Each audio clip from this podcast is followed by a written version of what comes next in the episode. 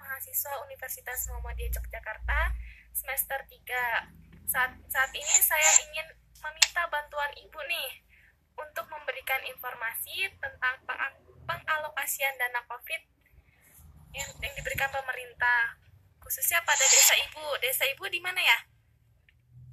Uh, saya di Desa Karanganyar, Desa Karanganyar, Pesawaran ya, Bu? Iya. Kecamatan Gedong Ya. Sebelumnya Ibu lagi di mana nih? Lagi di kantor, di rumah, atau? Kebetulan saya nggak mbak, jadi saya lagi di rumah. Uh, kerennya WFH. Ya, ada kuda WFH. Uh, sebelumnya saya terima kasih nih Bu, Ibu telah meluangkan waktunya dan berkenaan memberikan informasi tentang apa yang saya tanyakan nantinya. Uh, sekarang nih Bu ya, kita kan sedang menghadapi wabah pandemi dunia nih, seperti pandemi corona. Tentunya pandemi ini memiliki dampak tersendiri dong. Bagi saya sendiri saja, uh, gimana ya? Mahasiswa menjadi kuliah online. Gak enak ya Mbak ya?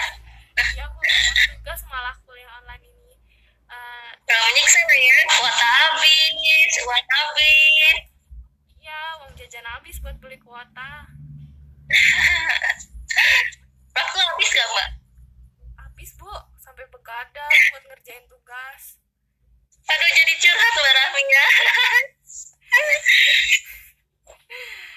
uh, itu kan bagi mahasiswa nih bu kalau ibu sendiri mengalami dampaknya tidak Oh, waduh, kalau dibilang dampak banyak banget nih. Biasanya saya harus pergi ke kantor, harus biasanya ketemu dengan masyarakat, biasanya harus ketemu teman-teman. Ini karena corona, eh, batas bertemunya juga nggak se seperti dulu gitu kan. Ada ada ada batasannya sekarang. Kalau bagi susah mbak? Iya bu. Kalau bagi masyarakat warga ibu sendiri dampak yang yang diberikan itu seperti apa ibu? Oh dampaknya sekarang ini mbak Rahmi banyak di kampung saya banyak yang pengangguran banyak eh, terjadinya kriminal pencurian eh, banyak.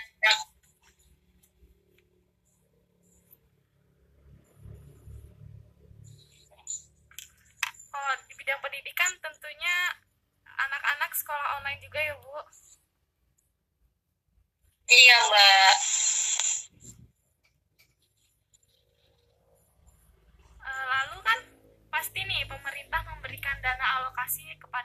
desa-desa setiap daerah-daerah yeah. nah bagaimana perencanaan di desa ibu untuk menggunakan dana alokasi tersebut Uh, kalau di desa saya, uh, kami bisa lihat uh, ada di kampung pasar minggu itu ada rumah singgah untuk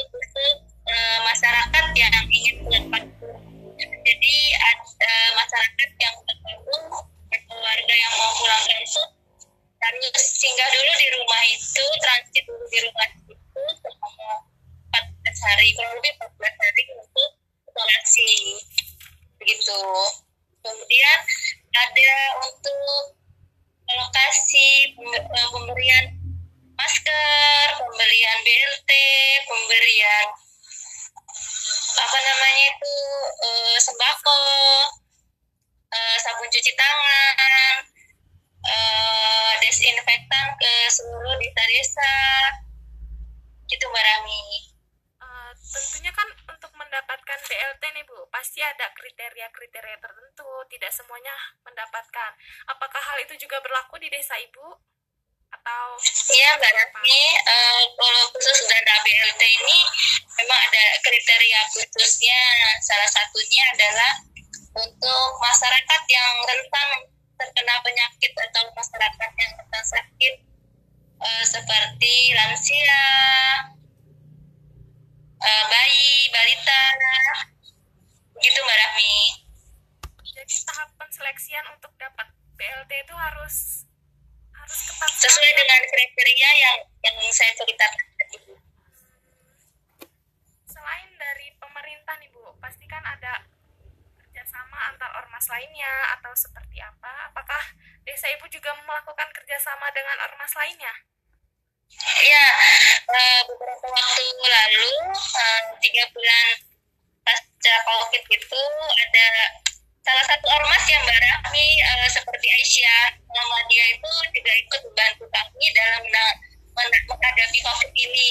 Seperti memberikan masker bantuannya, memberikan uang, memberikan sembako, memberikan sabun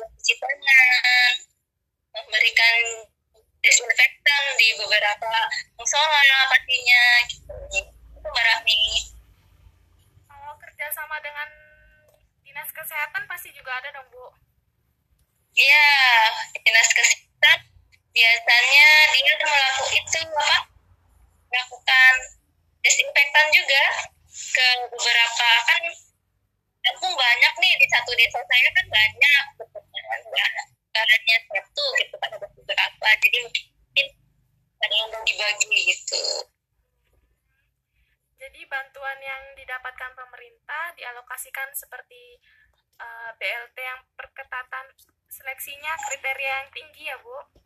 Terus, ya, BLT, sembako, sabun cuci tangan, masker. Rumah singgah, bagus sekali nih Bu ada rumah singgah agar sesuai lah ya, biar anggota keluarganya tidak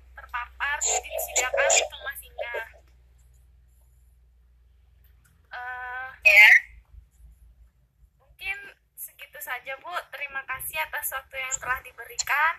Uh, semoga informasi yang Ibu ya, ini sama-sama bermanfaat untuk saya. Tentunya, Insya Allah.